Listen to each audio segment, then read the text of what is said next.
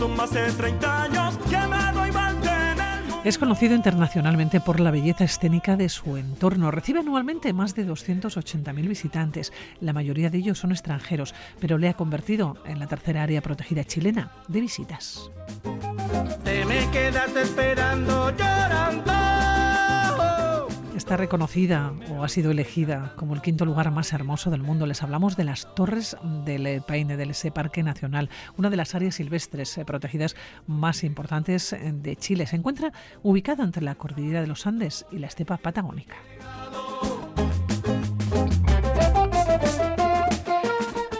Xavier Bañuelos, que nos vamos a las Torres del Paine, que nos vamos al Parque Nacional. ¿Cómo estás? Caiso, pues nos vamos a uno de mis sitios preferidos. Has dicho que es la considerada la quinta el quinto lugar más bonito del mundo. Pues me gustaría saber cuáles son los otros Los otros cuatro. Habrá que buscarlos, ¿no? No, no, yo, es una cosa que siempre digo, desde que he estado, desde que estuve en, Torres del Paine, no es que me enamoré, es que me cuesta encontrar sitios más bonitos.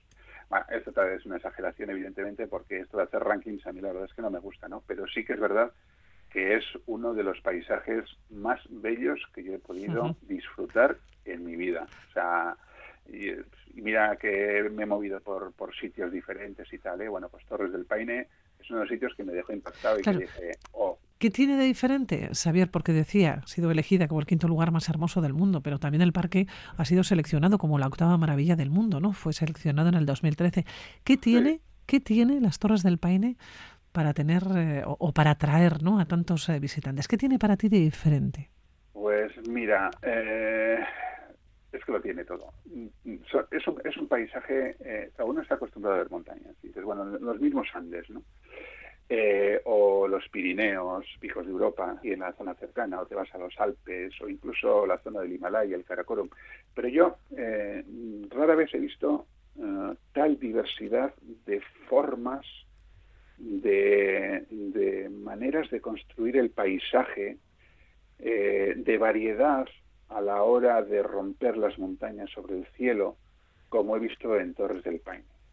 Y todo eso dentro de un, digamos, un entorno, bueno, un entorno no, unos entornos, porque la, la variedad también de ecosistemas es tal que dices, madre mía, ¿no? Todo lo que se puede encontrar aquí esa mezcla mm, de montaña pelada, eh, totalmente cortada por dientes de sierra que saltan de aquí y allá, creada a veces en islotes, eh, combinada con, grandes páramos, con lugares de, con valles que han sido rotos por los ríos y con, unos glaciares de, una belleza increíble, la verdad es que desde mi punto de vista la hacen, la hacen muy especial no sé, es que sí que es verdad que a mí, a mí esto de los rankings ya te digo que me, que me, que me cuesta aceptarlo, pero, pero sí que es verdad que en el, en el caso de Torres del Paine, mm, todas estas cosas que digo y que se combinan en un, en un, mismo, en un mismo entorno,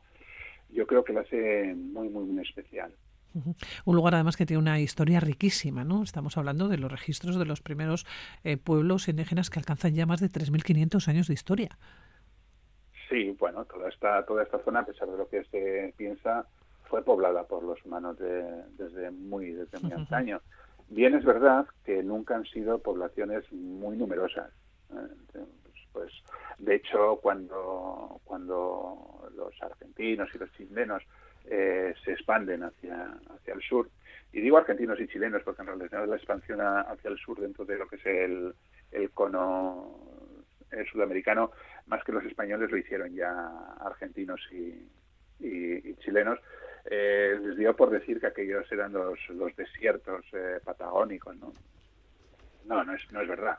No es verdad, de hecho se produjeron grandes masacres ¿no? en, toda esa zona que prácticamente limpiaron de, de indígenas, pues bueno, tanto la Patagonia argentina como chilena, aunque todavía quedan eh, pueblos importantes y pueblos numerosos como son, por ejemplo, los pehuelches, ¿no? que sobre todo tienen incidencia en Chile.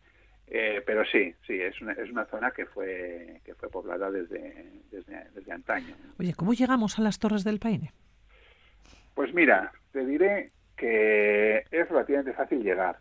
Normalmente se va desde Puerto Natales, que está está bastante más al sur y bueno, hay una carretera eh, que no que no ofrece muchos problemas y, y ya. Ahora, también te voy a decir que yo cuando he ido a bueno, yo he ido, de, he ido también en bus, ¿eh? pero eh, para mí la forma ideal de llegar a Torres del Paine es en barco. Y no lo suele hacer mucha gente. Eh, y yo creo que es un gran error, porque es un viaje que prácticamente te lleva todo el día, eh, que vas viendo unos paisajes absolutamente increíbles y que además te, te lleva a vivir una pequeña aventura. No digo una gran aventura, porque tampoco es internarte en, el, en el, la selva del Amazonas, eh, digamos, tribus no, o grupos humanos no contactados, ¿no? Eh, y te tienes que, no sé, que enfrentar a jaguares y serpientes, no es eso, ¿no? Pero sí que es verdad que tienes que pasar por algún que otro pequeño apuro, dada la, la soberbia naturaleza que te rodea, eh, que en muchos momentos es prácticamente ha sido prácticamente o parece prácticamente intocada y ya solamente eh, ascender por el río Serrano, por ejemplo, eh, supone tener que vencer la fuerza de un río que baja desde, desde los Andes a una fuerza increíble en un espacio de, en un espacio muy cortito prácticamente hasta hasta Puerto Natales ¿no? entonces la verdad es una auténtica gozada mira todo el sur de Chile es un conglomerado de fiordos. Digamos que sería algo parecido a lo que es Noruega en Europa. Es decir, que la, que la tierra parece que se han, se han enviado a dar zarpazos allí a la, a la tierra y se han creado un montón de, de, fiordos. Bueno, pues exactamente igual. O sea, es una, es una geografía rota, es una geografía abrupta y además es una zona ya donde los, donde los Andes, las grandísimas alturas de los Andes, se empiezan a ir muriendo. ¿no? Eh, y está, eh, además está en el mismo mar, ¿no? en esa zona de confluencia entre el mar y la tierra, donde el mar penetra de una forma a veces absolutamente inverosímil en el, en el continente. Bueno, pues ahí está eh, Puerto Natales, que está en el seno de Última Esperanza. Concretamente está en la ribera este del Canal Señoret. Bueno, pues ahí se coge un barco. Un barco que realmente es un barco turístico, no tiene, desde este punto de vista, no tiene demasiado, demasiada aventura, digamos, ¿no? Eh, y que te vas subiendo hacia el norte, por todo el canal, eh, en medio de, como digo, unos paisajes increíbles, es decir, con los Andes a, a, babor, con los Andes a estribor, ¿no? y llegas a un punto en el cual empiezas ya a ver los, los glaciares. Hay que decir que toda esta zona, eh, y Torres del Paine, está en lo que se llama el Gran Campo de Hielo Andino, que acumula la friolera de 49 glaciares. La zona norte, digamos, es la zona es la zona de, los hielos continentales patagónicos, ¿no? Y digamos está en Argentina, donde tenemos el glaciar Uppsala, el Perito Moreno, el Viedma, y luego está el campo de hielo del sur de Chile con glaciares como Pionce, O'Higgins, Gray, Hueque, Tyndall, estos tres últimos ya están en, en Torres del Paine. Bueno, pues eh, un poquito más al sur están dos glaciares que a mí me parece que son absolutamente increíbles. No por sus dimensiones, porque no son especialmente grandes, pero sí por la configuración de su paisaje. Mira, uno de ellos es el glaciar, es el glaciar Balmaceda, que es un glaciar colgado. Es decir, es un valle colgado, el glaciar baja del circo y de repente se encuentra con un tremendo farallón que lo vierte al mar. una auténtica preciosidad. Y luego está el, el glaciar Serrano, entonces, con el barco, de hecho, se hace allí, se hace allí una parada y tú, a través de un sendero de, trekking, que serán dos, tres kilómetros, no recuerdo exactamente, pero bueno, más o menos, eh, llegas justo a la laguna glaciar y a todo el frente glaciar. es una auténtica preciosidad. Bueno, pero ¿qué es lo que pasa? Que de allí el barco ya no puede seguir. ¿Por qué? Porque eh, comienza, digamos, el río, el río Serrano. El río Serrano desemboca en el, en el canal de, de Señoret. Bueno, pues aquí ya tienes que coger una Zodiac y aquí es donde empieza la... donde empieza la aventura también, ¿no? Sí, porque el río Serrano baja con muchísima fuerza. Es un río lleno de rápidos. Entonces tienes que vencer la fuerza del río porque estamos yendo río arriba, ¿no? Y hay que vencer. Y hay momentos en los que de verdad crees que la Zodiac no puede porque baja con muchísima fuerza. Hay algunas zonas de aguas bastante someras, ¿no? Como suele ocurrir en todos los rápidos. Además, que va a chocar con el fondo. Que las aguas estarán fresquitas, entiendo.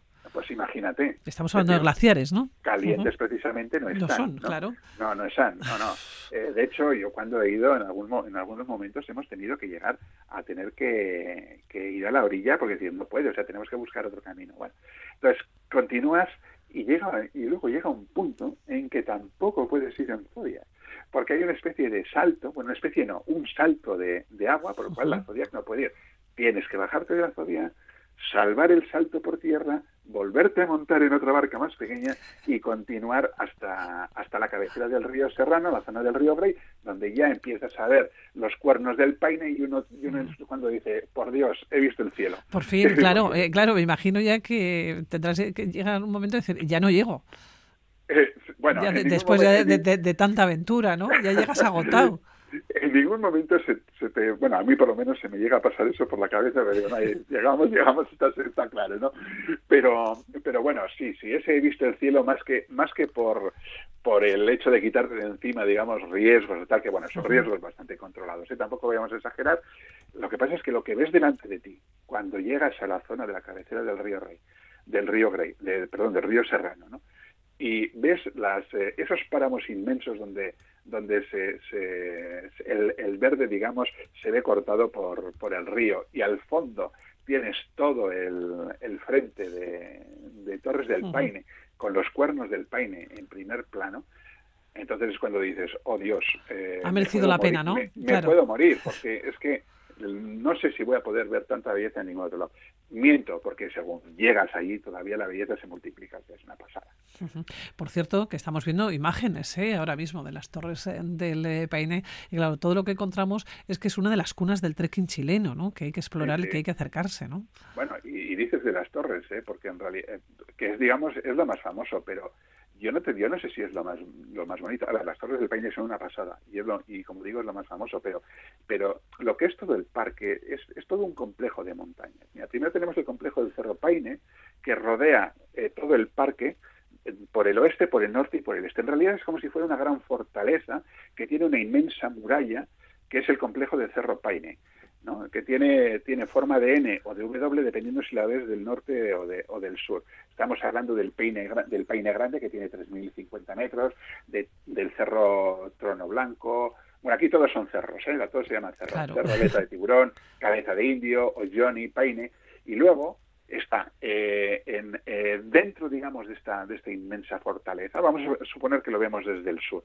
Eh, el complejo de Cerro Paine rodea en forma de M toda, toda esta fortaleza. Y en el centro tenemos como si fueran dos inmensas eh, torres de homenaje, ¿no? Los cuernos del Paine, que son tres, el central, el norte y el este, estamos hablando de altitudes entre 2.600 y 2.200 metros, que es una visión absolutamente bellísima. Mira, una de las visiones más sobrecogedoramente bellas que yo he tenido en mi vida es, son los cuernos del Paine desde la orilla sur del lago Nordesquiol. Es una auténtica pasada. Y luego están las torres del Paine, que también son tres. La torre sur de Agostini, la central y la torre Moncino, que aquí también estamos hablando de alturas entre 2.500 y 2.260 metros. Vale, todo esto conforma un laberinto de senderos que te permiten hacer, eh, vamos, trekking de todo tipo. Pero no solamente trekking, o sea, es un paraíso de senderistas, pero también es un paraíso para los jinetes, que les gusta andar en caballo, para los kayakistas, para los escaladores. Y además tienes todo tipo de recorridos en longitud, en terreno y exigencia. Mira, tienes cosas muy fáciles, como por ejemplo la cascada Salto Grande al lado Noderskion, que es eh, partes de una, de una cascada muy bonita hasta este lago, que es donde digo yo que casi, vamos, se me caen los calzoncillos de, de, la belleza que supone ver desde allí las, Del los, gusto, cuernos de, los cuernos del país. Eh, el paseo, por ejemplo, por la orilla este del lago Grey hasta prácticamente el frente glaciar, una auténtica gozada, que también lo puedes hacer en kayak. ¿eh? Eh, el mirador del cóndor, otra otra pocholada, el paseo hasta Laguna Azul y luego a partir de ahí te puedes complicar todo lo que todo lo, todo lo que quieras. El ascenso a la base de las Torres del Paine eh, es una de las cosas que yo recomiendo hacer, pero hay que tener cierta forma física, sobre todo el tramo final, donde tú subes la morrena de todo, de todo el ventisquero, ¿no? que es, eh, es donde el ventisquero es lo que se llama la acumulación de hielo, ¿no? que es eh, una especie de, glaciar que baja de, de las torres se forma una, una laguna glaciar y la laguna está cerrada por la antigua morrena. Bueno, pues subir esa morrena, que a mí me costó una hora, fue un auténtico un esfuerzo relativamente grande. Bueno, pues tenemos un viaje pendiente, desde luego, también a las Torres del Paine. Por cierto, ¿cuándo hay que ir? Bueno, hombre, yo eh, recomiendo ir entre octubre y enero, lo que es la primavera-verano austral. Pero bueno, también si vas, si vas en invierno te encontrarás con otras con otros paisajes nevados que también serán muy bonitos. Pero bueno, yo creo que para disfrutar a tope de la variedad de colores, de, de, paisajes y demás, eh, yo creo que lo mejor es entre, primavera y verano austral, que coincide con nuestro, nuestro otoño, invierno más o menos. Bueno, pues es Javier sé que ya hemos apuntado todo, que iremos a las Torres del Paine, que nos seguimos escuchando. Cuídate mucho. Aquí, estaremos. Hasta la próxima. agur. agur.